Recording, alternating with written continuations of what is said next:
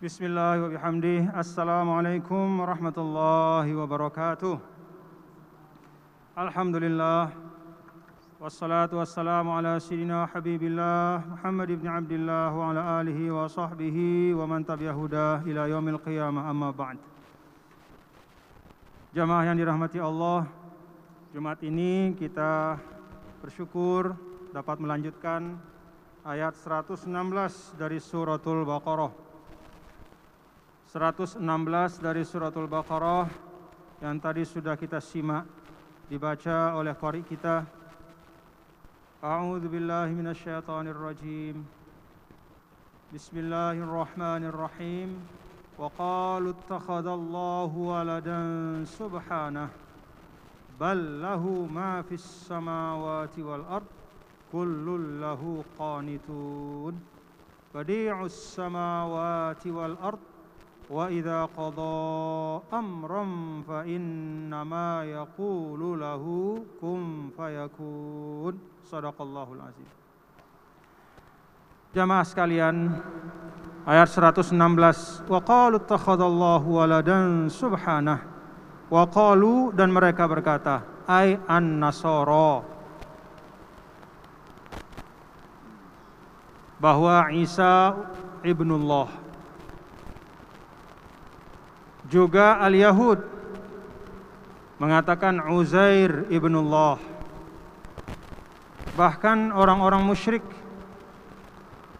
pada masa Rasulullah sallallahu alaihi wasallam diutus mereka juga punya keyakinan bahwa al-malaikatu banatullah. Jadi walaupun nama dari akidah atau i'tiqadnya berbeda-beda tapi penyimpangannya sama. Ya. Kalau Nasara mengatakan Al-Masih ibnullah, Nabi Isa alaihissalam itu anak Allah. Ta'ala Allah an dzalika uluwan kabira. Sedangkan orang Yahudi mengatakan Uzairun ibnullah, yaitu Uzair adalah anak Allah. Uzair ini seorang alim. Sebagian riwayat mengatakan dia adalah nabi. Ada yang mengatakan dia orang soleh, wali, banyak keramatnya. Sehingga akhirnya bergeserlah akidah dari orang Yahudi sebagian. Ya. Saking kagumnya, saking kagumnya. Maka diletakkanlah Uzair ini, ya, diletakkan Uzair ini pada makom yang melebihi yang seharusnya. Atau orang-orang musyrik mereka punya keyakinan sebagian di antara mereka al-malaikatu banatullah bahwa malaikat-malaikat itu adalah putri-putrinya Allah begitu. Nah, keyakinan-keyakinan yang keliru ini ya diluruskan. Nah, di sini diambil contoh oleh Allah Subhanahu wa taala secara umum وقالوا اتخذ الله ولدا tidak disebut siapanya karena memang lebih dari satu kelompok yang punya keyakinan seperti ini maka mereka berkata yaitu yang i'tiqadnya keliru wa qalu mereka berkata ittakhadzallahu walada Allah ittakhadha ittakhadzallah Allah mengambil atau Allah memiliki walada putra. Maka di sini kalau kita baca Al-Qur'an di situ ada uh, tanda waqaf lam. Ya, lam itu artinya wajib untuk kita sambung dengan setelahnya. Wa qalu ittakhadallahu waladan subhanah. Nah, jadi i'tiqad mereka yang salah itu langsung diluruskan oleh Allah. Subhanah Maha suci Allah. Ini pelajaran buat kita Bapak-bapak Saudara. Kalau ada sesuatu yang salah jangan dibiarkan. Jangan didiamkan. Kita punya lingkungan misalnya kampung kita, RT kita, ada anak-anak muda misalnya di sudut jalan itu minum minuman keras. Lalu kita biarkan, tidak mau dinasehati. Nanti juga ada yang nasehatin. Nanti juga ada Pol PP. Nah, jadi dibiarkan. Padahal seharusnya kita nasihati dengan cara yang baik tentu. Eh sayang, jangan minum minuman yang seperti ini. Banyak minuman yang halalan toiban. Nah kira-kira seperti itu. Artinya ada proses untuk memperbaiki. Tapi kalau dibiarkan akhirnya apa? Bisa jadi besok jadi markas di situ. Tempat orang minum minuman keras. Ini kejadian di mana-mana. Zaman dulu, zaman saya masih kecil ada namanya apa namanya judi buntut ya apa buntut ya buntut nomor buntut itu satu dua orang pasang nomor dibiarkan terus terus terus akhirnya banyak di situ. Orang tertarik. Karena an-nafsu majbulatun ya ala matashtahi bahwa jiwa manusia itu selalu tertarik pada hal-hal yang yang menarik hatinya. Yang kira-kira wah ini sesuatu yang baru. Apalagi yang menyenangkan. Apalagi di situ apa namanya ada keuntungan buat dia. Nah, maka ini pelajaran dari ayat ini para ulama meletakkan wakaf lam di situ ya. Artinya tidak boleh berhenti. Jangan berhenti pada waqalu takhadzallahu walada. Jangan berhenti tapi sambung. Waqalat waqalu takhadzallahu waladan subhana nah langsung kita koreksi ya. Nih bapak-bapak kalau sudah punya keluarga, kalau ada kekeliruan hal yang kurang pas, langsung kita tegur dengan cara yang baik. Itu prinsip Al-Quran. Jadi kita bisa belajar prinsip Al-Quran ini bahkan dari wakaf-wakaf yang ada di dalam Al-Quran. Subhanah. Nah, subhanahu itu artinya tanazuh an kullin naqais. Maha suci Allah dari segala macam kekurangan. Kenapa punya anak itu ya, dianggap sebagai sesuatu yang kurang dalam arti bukan kesempurnaan? Karena karena sesuatu yang sempurna tidak membutuhkan hal yang lain. Dia cukup dengan dirinya. Maka kata para ulama ya bahwa al-uluhiyah taqtadi al-wahdaniyah wasubut. Yang namanya Tuhan, yang namanya Tuhan Maha Sempurna, itu dia punya dua hal mendasar. Pertama al-wahdaniyah sendiri. Tunggal. Dan yang kedua adalah as-subut, kekal. Sedangkan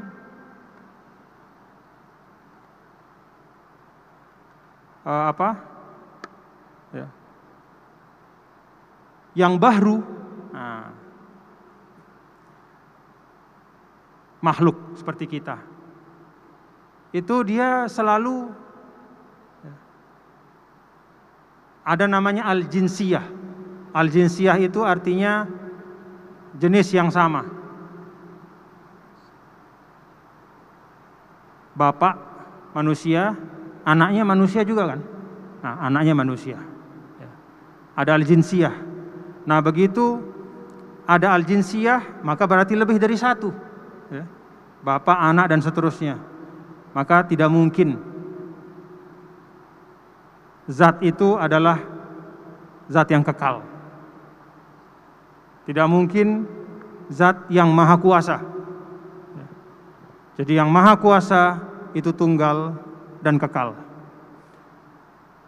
Dia tidak apa? Tidak membutuhkan apa pun. Kalau dalam banyak ayat Al-Qur'an wallahu ghaniyun 'anil alamin. Begitu sesuatu itu butuh, maka dia bukan khalik, dia makhluk. Maha suci Allah. Ya. Ballahu ma fis samawati wal ard.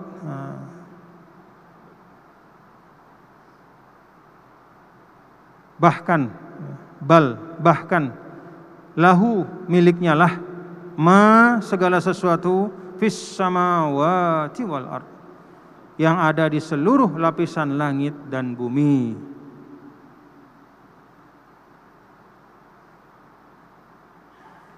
Ayat ini penegas bahwa semua yang ada di mata Allah itu sama. Makhluk semuanya. Statusnya bisa beda-beda. Martabatnya bisa beda-beda, tapi semuanya makhluk. Ada makhluk yang mulia, manusia yang beriman, beramal soleh itu mulia dia. Ada makhluk yang hina, manusia tapi kufur, bermaksiat, tidak mau tobat sampai akhir hayat. Nah, tapi semuanya makhluk. Dari sisi ini, ya, ballahu ma fis samawati wal ard. Semua yang ada di lapisan bumi dan langit ini adalah milik Allah dengan status yang sama yaitu makhluk. Enggak ada yang istimewa. Prosesnya bisa bermacam-macam. Ada yang lahir punya bapak ibu seperti kita. Ada yang lahir nggak punya bapak ibu Nabi Adam. Ada yang lahir dalam pendapat jumhur ulama diambil dari rusuknya laki-laki itu namanya Hawa. Ada yang lahir tanpa ayah itu namanya Sidina Isa alaihissalam. Tapi antara proses dengan substansi itu dua hal yang beda. Jadi walaupun prosesnya berbeda tetapi substansinya sama yaitu manusia, makhluk. Kullun lahu qanitun, semuanya seluruhnya tanpa kecuali tunduk kepada Allah Subhanahu wa taala. Bapak-bapak dan saudara sekalian, ada ungkapan bahwa katakanlah ya, ada orang misalnya kufur, tidak percaya kepada Tuhan. Dia tidak percaya kepada Allah Subhanahu wa taala. Lalu dia mengatakan, "Saya tidak tunduk kepada Tuhan. Enggak ada Tuhan itu. Saya bebas di dunia ini." Benar enggak dia bebas? Walaupun ada orang ya, dengan mulutnya mengatakan saya tidak tunduk kepada Allah, saya bebas di dunia, saya enggak percaya sama Tuhan tapi sebenarnya dalam kehidupannya suka tidak suka dia mengikuti hukum-hukum Allah.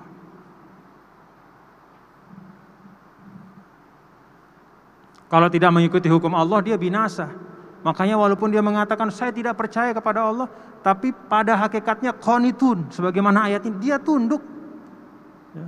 Maka di dalam ayat yang lain tau'an au karha, suka nggak suka Anda pasti mengikuti hukum Allah. Apa hukum Allah itu misalnya? Tadi saya sampaikan di khutbah, hukum Allah itu kan macam-macam. Ada yang kauli di dalam Al-Quran ini, sebutkan hukum-hukum agama. Ada yang kauni, yang berupa hukum alam.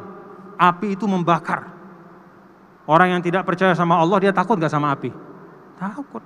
Artinya apa? Dia tunduk kepada hukum alam itu. Hukum alam itu hukum Allah juga. Kalau dia buat rumah, maka dia hindarkan tebing-tebing karena dia tahu bahwa tebing-tebing itu kalau ada bencana akan jatuh ke bawah karena tarikan gravitasi. Dia takut sama gravitasi. Dia menghindar dari tebing. Hakikatnya dia tunduk kepada hukum Allah. Jadi tidak bisa begitu kita di dunia ini berlepas diri dari Allah dan hukumnya tidak bisa. Walaupun kita koar-koar mengatakan tidak percaya kepada Allah, Bahkan ada yang menentang mana itu Allah. Bahkan ada dulu seorang ahli filsafat mengatakan Tuhan sudah mati katanya dia.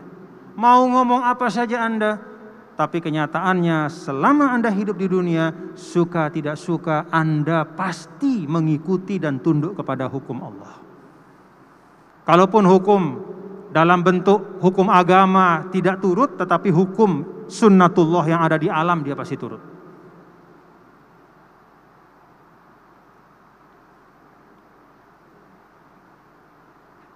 Jadi hukum alam ini kan banyak sekali. Semua orang mengikutinya.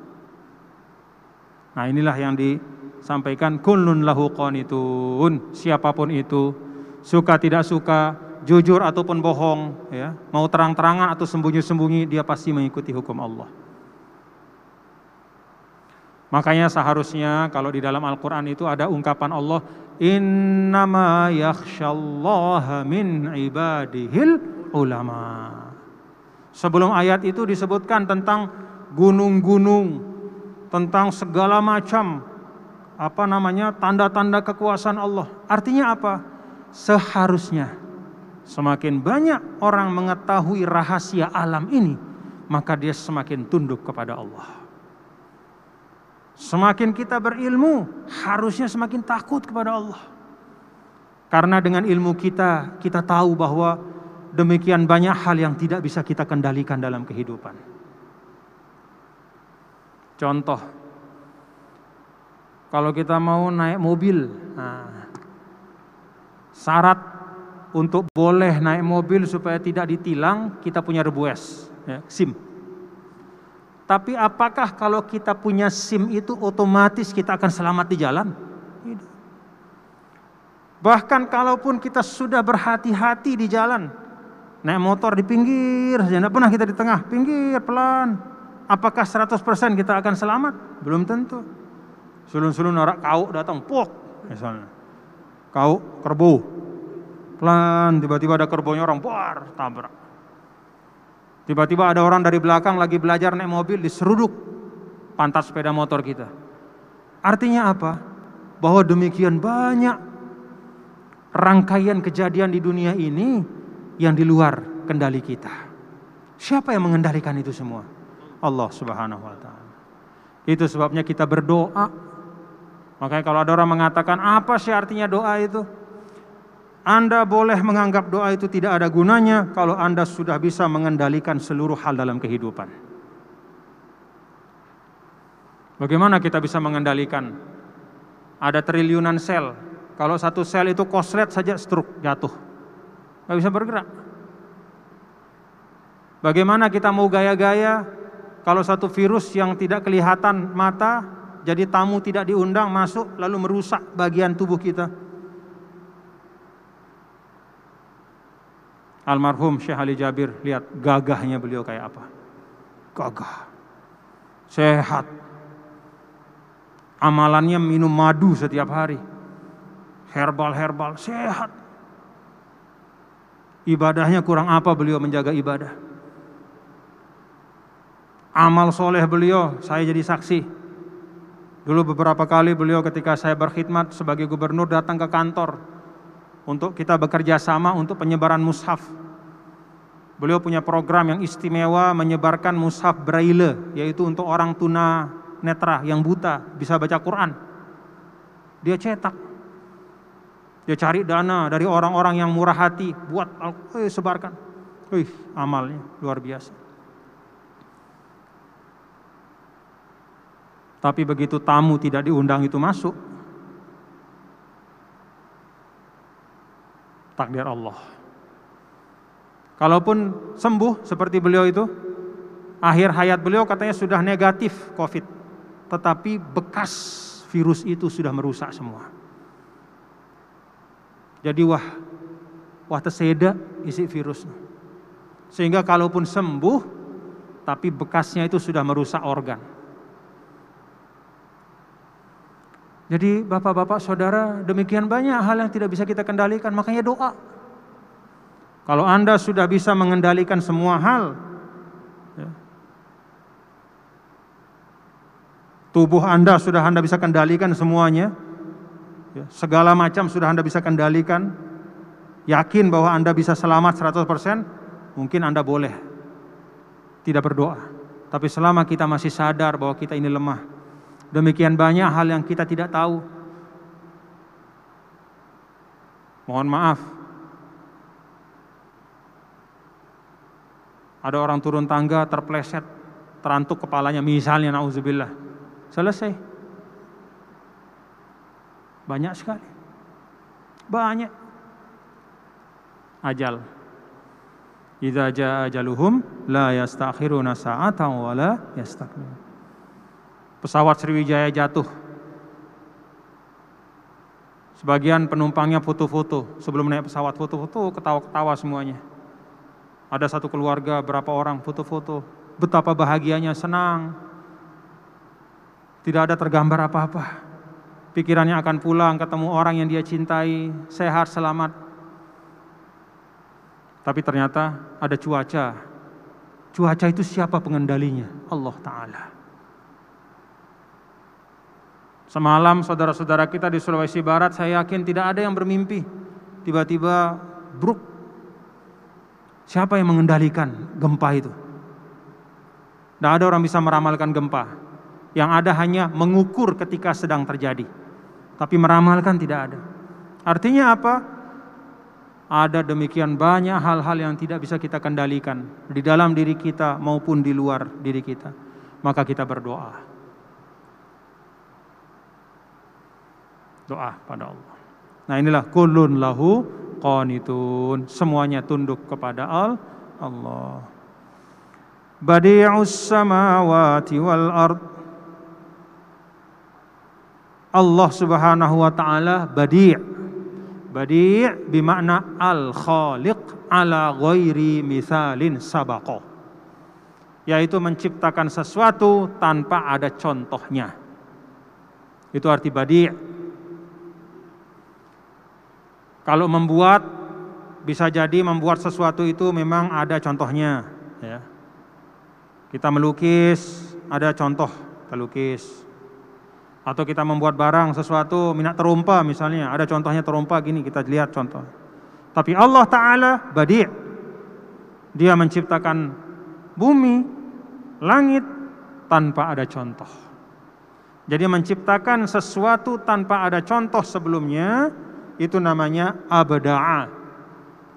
Nah dari kata itulah kemudian muncul istilah bid'ah. Ya. Jadi bid'ah itu adalah melakukan sesuatu perbuatan ya, perbuatan yang tidak ada contoh sebelumnya. Gitu. Nah ulama akan membagi dua. Suatu perbuatan yang tidak ada contoh sebelumnya, kalau dia punya kalau dia punya dasar, ya, istilahnya aslun fi syariah ya, kalau dia punya dasar maka dia mengikuti hukum dari dasarnya itu. Kalau dasarnya adalah wajib maka perbuatan ini juga hitungannya wajib. Ya. kalau dia sunnah maka perbuatan ini juga hitungannya sunnah. Contoh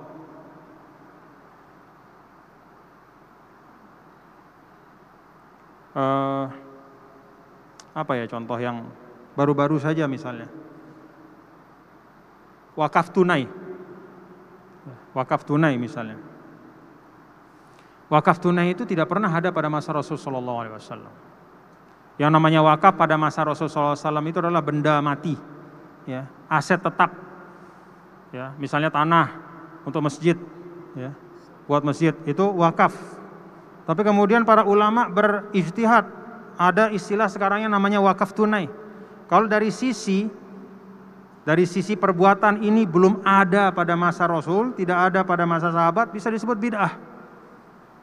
Tapi ulama mengatakan bahwa boleh dia mengikuti hukum asalnya. Jadi selama ada asal atau ada cantolannya, Istilahnya berwakaf itu adalah sunnah sesuatu yang diberikan pahala. Nah, itu pokoknya di situ. Maka segala macam bentuk wakaf-wakaf yang baru itu masuk ke situ. Di dalam Al-Qur'an Uzkurullaha zikron kathiro Banyak-banyaklah berzikir Maka kalau ada orang bersama keluarganya naik mobil lalu kemudian anak-anakku yuk kita zikir sekarang. Kita baca asmaul husna bareng-bareng. Lalu Allahumma ya Allah ya Rahman ya Rahim. Tidak ada zaman Nabi kayak begitu. Sahabat juga nggak ada kayak begitu. Ya. tapi dia masuk kepada pokok yang tadi. Banyak-banyaklah ingat Allah. Jadi dia dapat pahalanya di situ. Nah, jadi sesuatu yang baru ya, suatu amal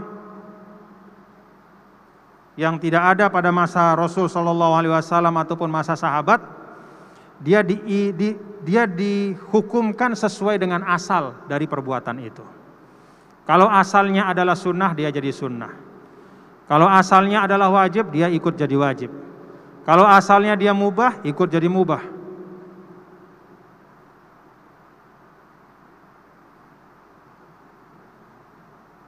Apa makanan yang di Lombok tidak ada pada masa Rasul?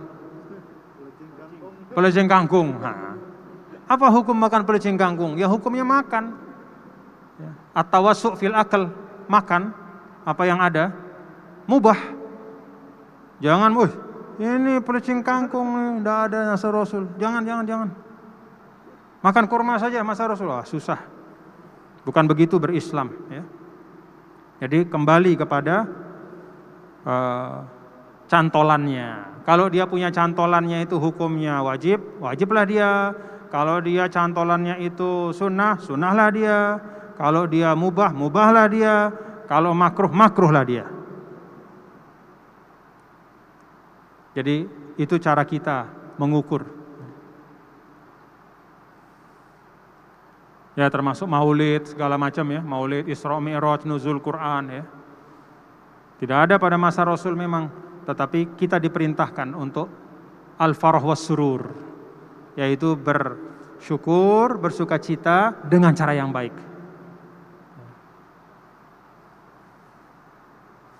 Badi'us samawati wal ard Allah pencipta seluruh lapisan langit dan bumi qadha amran fa innama yaqulu lahu kun fayakun.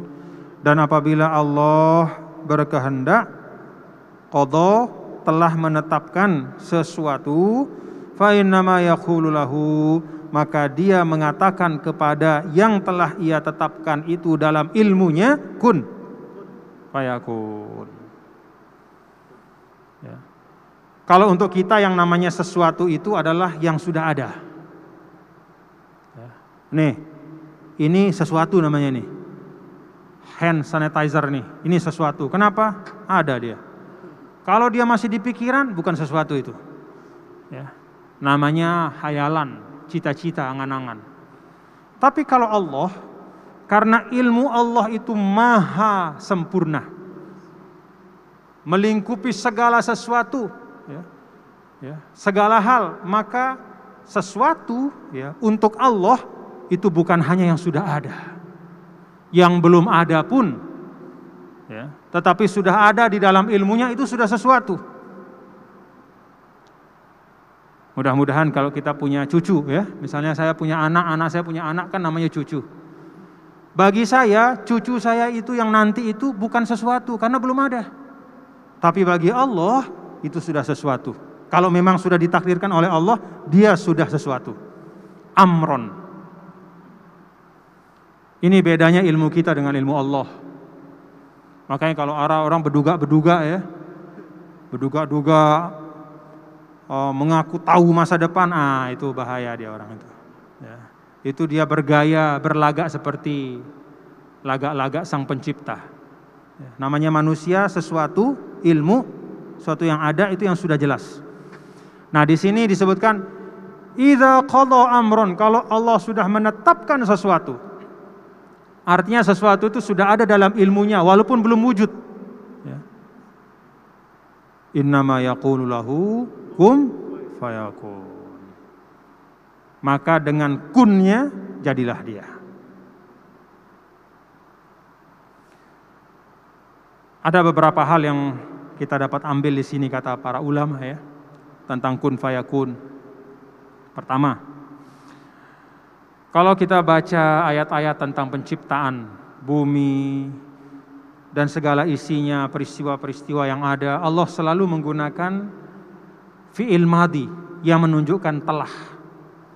Allahul ladzi khalaqas sama Allah yang telah menciptakan wa qaddara aqwataha telah mentakdirkan telah.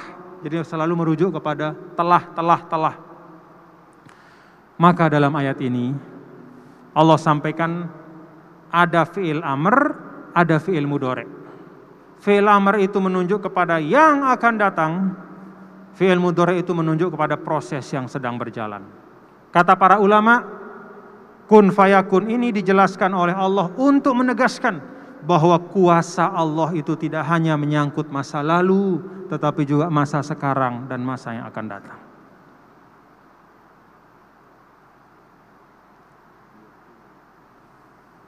Jadi tidak ada nama lampau untuk kuasa Allah Ta'ala. Ya.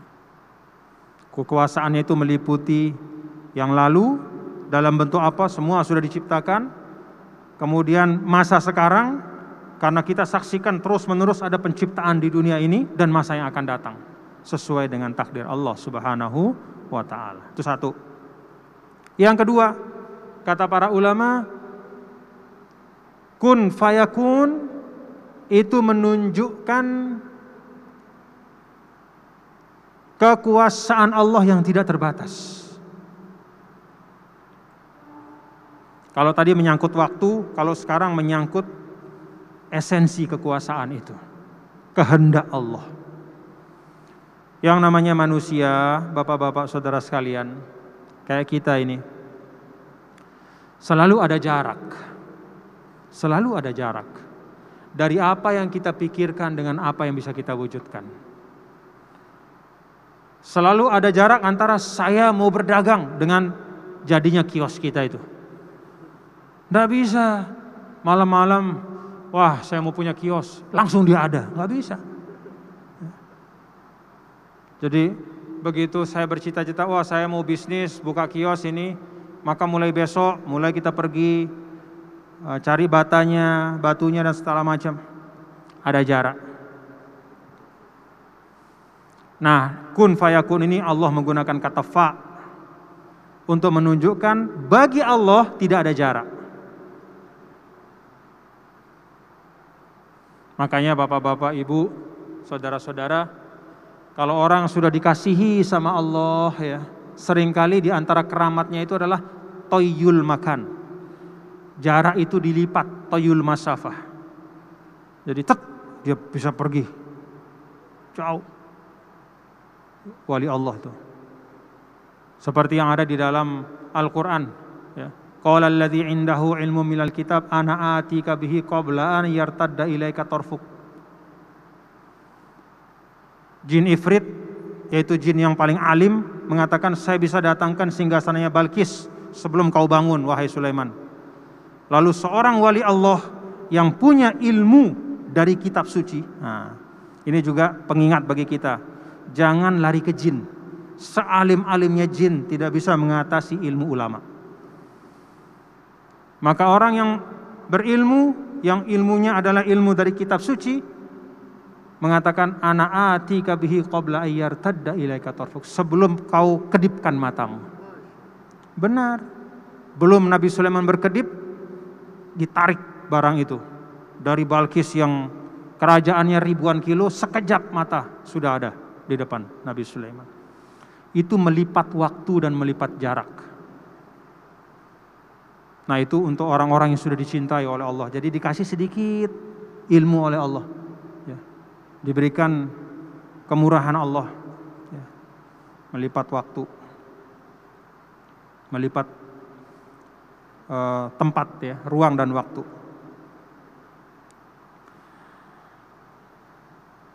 Itu yang kedua ya. Jadi kun fayakun itu menunjukkan bahwa apa yang Allah kehendaki itu seketika.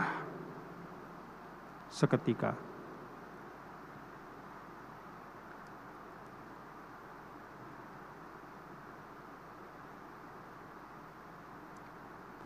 Kemudian yang ketiga, terakhir Bapak-bapak Saudara, para ulama juga mengatakan bahwa yaqulu dalam ayat ini ya, tidak mesti diartikan dengan ucapan. Tetapi bisa juga dimaknakan sebagai takdir dan kehendak. Kalau Allah sudah berkehendak. Tidak mesti ada kata kun ya tapi sekedar kehendak Allah sesuatu itu bisa terwujud. Wallahu subhanahu wa ta'ala a'lam.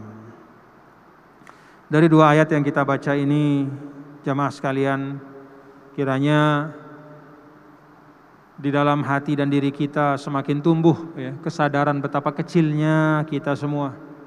Ya. Betapa terbatasnya kita semua. Betapa banyaknya kekurangan kita sebagai manusia. Betapa lemahnya kita. Maka agar kita bisa bangkit dari kelemahan itu, dari kekurangan itu, ya, dari keterbatasan itu, marilah kita mendekat takarub kepada Allah Subhanahu wa Ta'ala. Bersandar kepada yang Maha Kuat, insya Allah kita ikut menjadi kuat. Allah Subhanahu wa Ta'ala alam. Terima kasih dan mudah-mudahan apa yang saya sampaikan ada manfaatnya.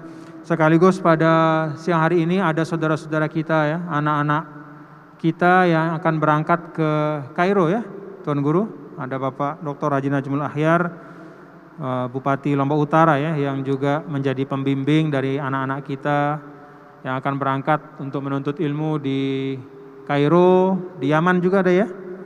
Di Yaman. Berapa orang? Coba uh, Tuan Guru Haji Najmul mungkin ini menyampaikan satu menit, dua menit.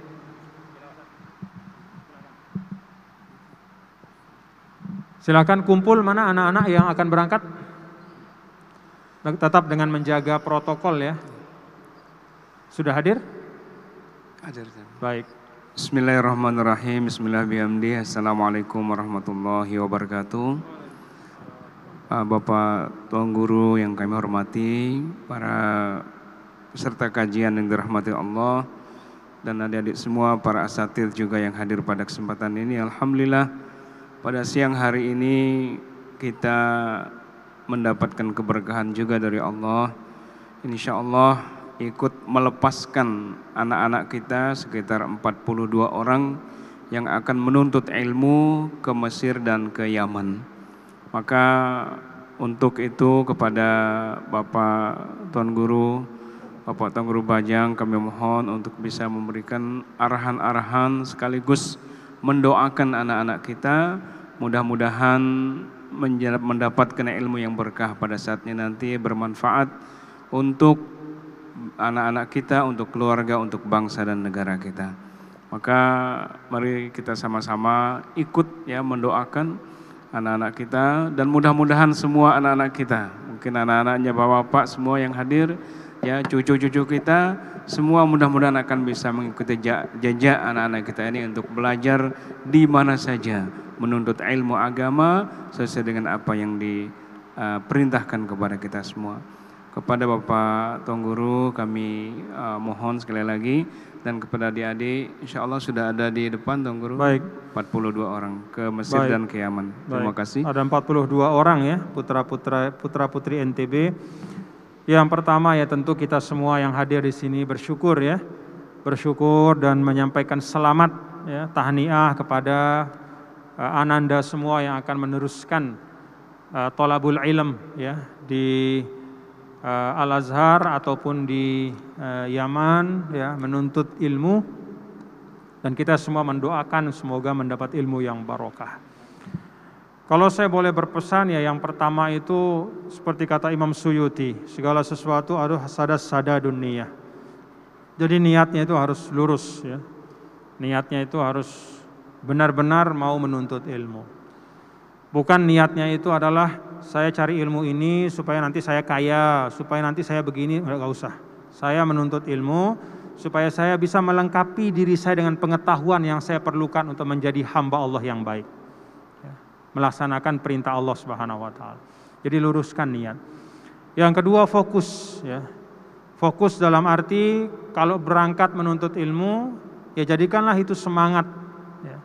Jangan ketika sudah di sana kemudian waktunya dihabiskan untuk hal-hal yang tidak ada kaitannya dengan ilmu.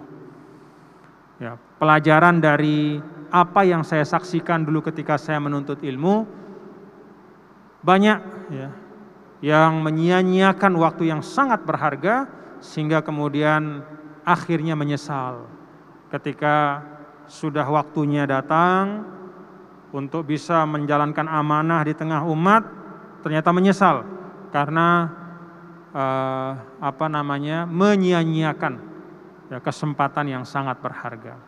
Kemudian yang ketiga, saya berharap Ananda semua yang akan berangkat ini sadar betul bahwa Anda akan pulang ke Indonesia. Ya. Ingat itu. Jadi niatkan bahwa ilmu yang akan dicari itu nanti akan dibawa untuk disampaikan kepada umat. Untuk diamalkan di sini. Dan saya yakin sebagaimana yang saya tahu bahwa para guru di Al-Azhar ataupun di Hadramaut ya di Yaman itu mengajarkan ajaran Islam Ahlus Sunnah wal Jamaah. Jadi ambil itu bawa ke Indonesia gunakan untuk mencerahkan umat. Untuk mencerahkan umat ya. Supaya kalau ada yang bingung bisa mendapat penjelasan yang benar Jangan sudah bingung tapi nanyanya salah kepada orang yang salah. Akhirnya mendapatkan penjelasan yang tidak benar. Nah, Ananda ini semua akan berangkat. Ketika pulang nanti akan menyebarkan, ya, menyampaikan ilmu-ilmu yang baik. Maka uh, ini harus menjadi kesadaran. Ya. Ingat, nanti akan pulang ke Indonesia. Kemudian yang terakhir, jangan Jangan minta uang sama orang tua, minta doa saja. Ya. Yang namanya orang tua itu pasti ingat sama anaknya. Ya. Uang itu, kalau istilahnya orang nanem itu, uang itu rumputnya, doa itu padinya. Ya. Jadi kalau kita minta doa, seperti orang nanam padi, nanti kebutuhannya nanti akan dicukupkan oleh Allah. Tapi kalau mintanya bukan doa mintanya uang ya. Itu seperti orang nanam rumput. Nanti bisa-bisa padinya nggak dapat ya. ya namanya orang nanam rumput nggak mungkin tumbuh padi ya. Kalau nanam rumput ya pasti tumbuh rumput. Artinya apa? Ketahui yang pokok dan yang penting. Jadi kalau kita sama orang tua minta doa minta doa ya, minta doa. Seperti pengajian kita tadi ya. Apalagi kita pergi ke luar negeri demikian banyak hal yang kita tidak ketahui Orang yang kita jumpai kita tidak tahu dia baik atau tidak. Orang baik atau jahat, oh segala macam. Maka doa yang membentengi kita. Dan salah satu doa yang paling mustajab adalah doa dari kedua orang tua. Itu saja empat hal yang dapat saya sampaikan. Kita doakan mudah-mudahan mendapat ilmu yang barokah. Rabbana atina fid dunya hasanah wa fil akhirati hasanah wa qina adzabannar. Sallallahu alaihi ala sayyidina maulana Muhammad walhamdulillahi rabbil alamin. Wallahu muwaffiq wal hadi ila sabilir rasyad. Wassalamualaikum warahmatullahi wabarakatuh. Waalaikumsalam. Kita tutup dengan doa kafaratul majlis. Subhanakallahumma bihamdika asyhadu an la ilaha illa anta astaghfiruka wa atubu ilaik. Assalamualaikum warahmatullahi wabarakatuh.